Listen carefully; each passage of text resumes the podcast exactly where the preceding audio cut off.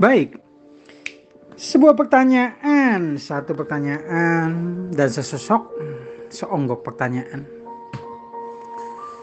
Kalau namanya sodako itu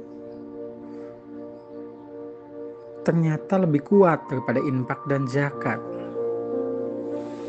Karena sodako bukan hanya sebatas tentang materi harta saja. Senyum, niat baik, keinginan baik, harapan baik,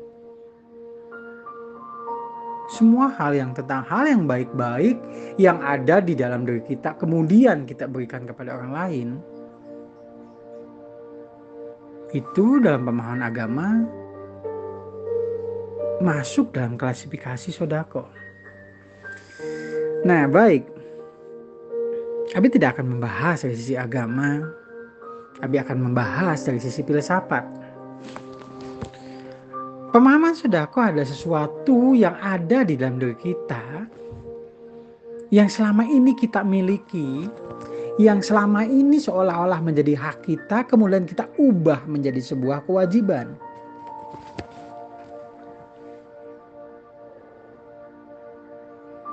Itulah sodako dalam pemahaman filsafat.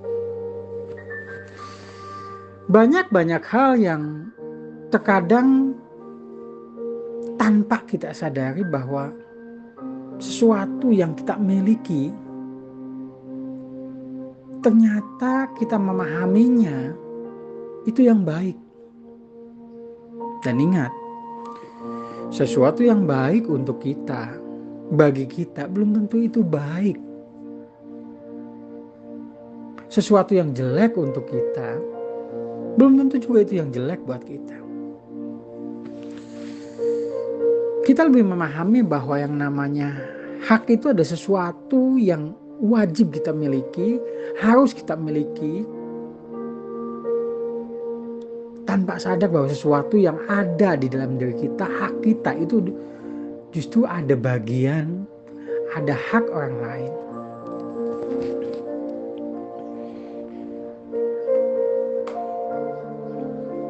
Ada satu pemahaman bahwa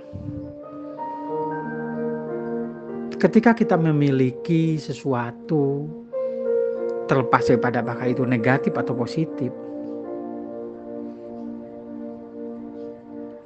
itu seharusnya lah kita punya kewajiban untuk memberikannya. Melepaskannya. Dalam hal ini lebih tepatnya melepaskannya. Betul kalau dalam konsep agama bahwa sodakah itu ada sesuatu yang bermanfaat sesuatu yang baik diberikan kepada orang lain yang bermanfaat. Akan tapi dalam konteks ini justru kita akan melepaskan sesuatu yang selama ini kita anggap baik. Sakit hati kita menganggapnya baik. Loh kenapa Bi? Kok dianggapnya baik? Ya betul. Kalau memang tidak baik kenapa kita masih sakit hati?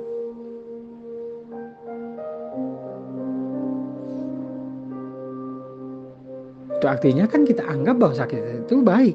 Betul? Iya. Kalau memang tidak baik tidak mungkin kita memendamnya, menyimpannya, bahkan dalam tanda kutip merawatnya baik-baik. Kok merawat baik-baik sih? Betul. Buktinya apa? Yuk, siapa pun yang mendengar suara Abi ini, pasti pernah menyimpan sakit hati sampai berminggu-minggu, sampai berbulan-bulan, bahkan ada yang sampai bertahun-tahun yang akhirnya judulnya bukan lagi sakit hati, judulnya adalah dendam. Nah sahabat pribadi hati, yuk ada sebuah teknik yang disebut dengan sodakohkanlah semua hal negatif yang ada di dalam diri kita. Atau ingat, simak baik-baik. Kalau tidak ini akan jadi salah pemahaman. Lepaskanlah semua hal yang negatif yang jadi kebiasaan kita. Contoh, ada di antara kita yang kita sudah tahu bagaimana solusinya untuk bisa berubah lebih baik Bahkan ada di luar sana. Bukan di grup ini ya kalau di grup ini ya kayak hobi lah. Bahwa seolah-olah kita ini lebih tahu tentang teorinya.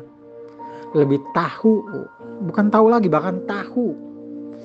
Lebih tahu dibandingkan sama orang lain. Baik itu ayat dalil hadis atau apa pun juga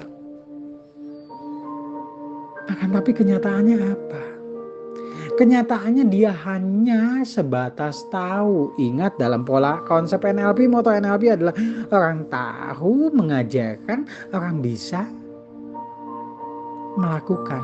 Ya. Karena NLP selalu bicara tentang you go first. Lakukanlah terlebih dahulu terhadap diri kita, barulah lakukan kepada orang lain. Akan tapi lucunya lagi justru kita tahu. Akan tapi kita tidak bisa melakukannya karena judulnya adalah tidak mau. Kalau memang tidak mau biasanya apa?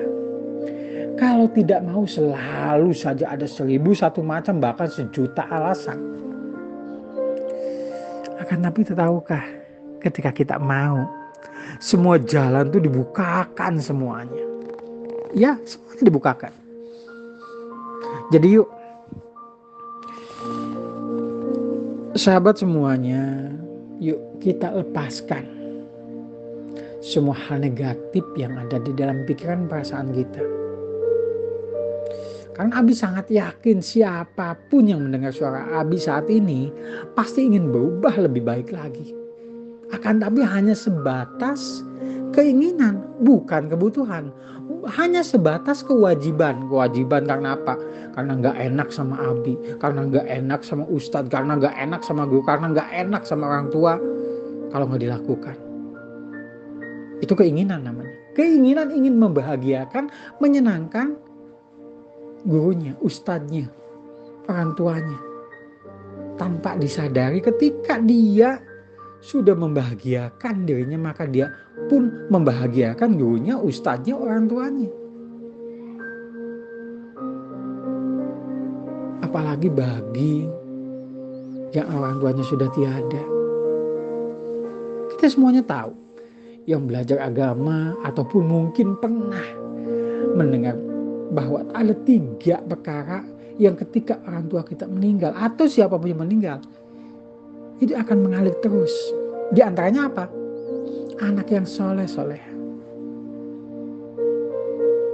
Bagi yang orang tua sudah tiada seperti Abi, saat ini yang Abi hanya bisa lakukan bukan mengumpulkan uang terus ngasih uang kepada makamnya atau membelikan baju atau membelikan mobil rumah atau apa pun kepada orang tua atau membangun makamnya atau nisannya dibuat dari emas bukan Ternyata Abi sangat menyadari saat ini yang Abi bisa lakukan bagaimana caranya menjadi anak yang soleh. Bagaimana caranya. Hingga Abi ada satu pemahaman bahwa ternyata harus dipaksa. Untuk baik saja kita harus dipaksa. Karena selama ini kita tidak baik. Gak dipaksa pun kita ikhlas melakukannya. Kita rela melakukan, kita tulus melakukannya tanpa ada tekanan, ancaman atau apa pun. Sakit hati kita mau, jengkel kita mau, kesal kita mau. Semua hal negatif bukan sikap dan negatif kita mau dengan tulus melakukannya. Akan tapi untuk kita bisa menjadi lebih baik lagi ternyata kita harus dipaksa. Dipaksa untuk menyodok, mensodakohkan hal negatif, melepaskan semua hal negatif dari pikiran kita.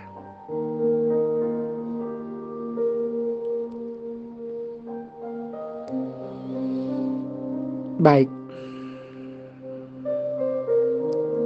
Dua menit ke depan, Abi akan minta semua sahabat pribadi hati yang ada yang mau membahagiakan orang tua yang sudah tiada ataupun yang masih ada. Yuk, sama-sama kita niatkan kita katakan mau melepaskan semua pikiran perasaan negatif kita. Sama-sama kita lepaskan.